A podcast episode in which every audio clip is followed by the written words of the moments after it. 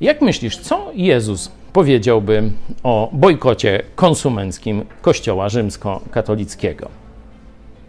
On w rzeczywistości sporo na ten temat mówił, bo miał odpowiednik Kościoła rzymskiego, Kościoła katolickiego, czyli religię faryzeuszy i przywódców religijnych ówczesnego Izraela.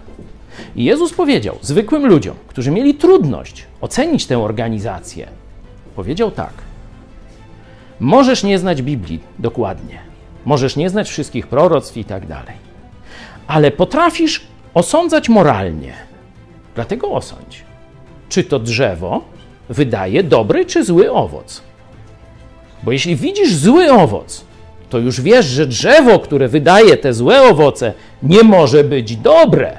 Jeśli z kolei wyjdzie ci, że dobre owoce wydaje, no to i drzewo jest dobre.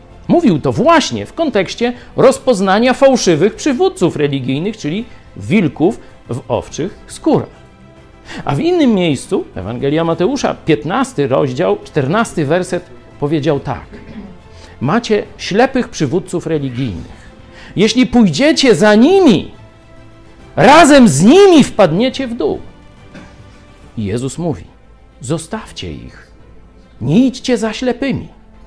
To Jezus ogłosił bojkot konsumencki fałszywych religii, czyli Kościoła Rzymskiego. Bojkot Kościoła.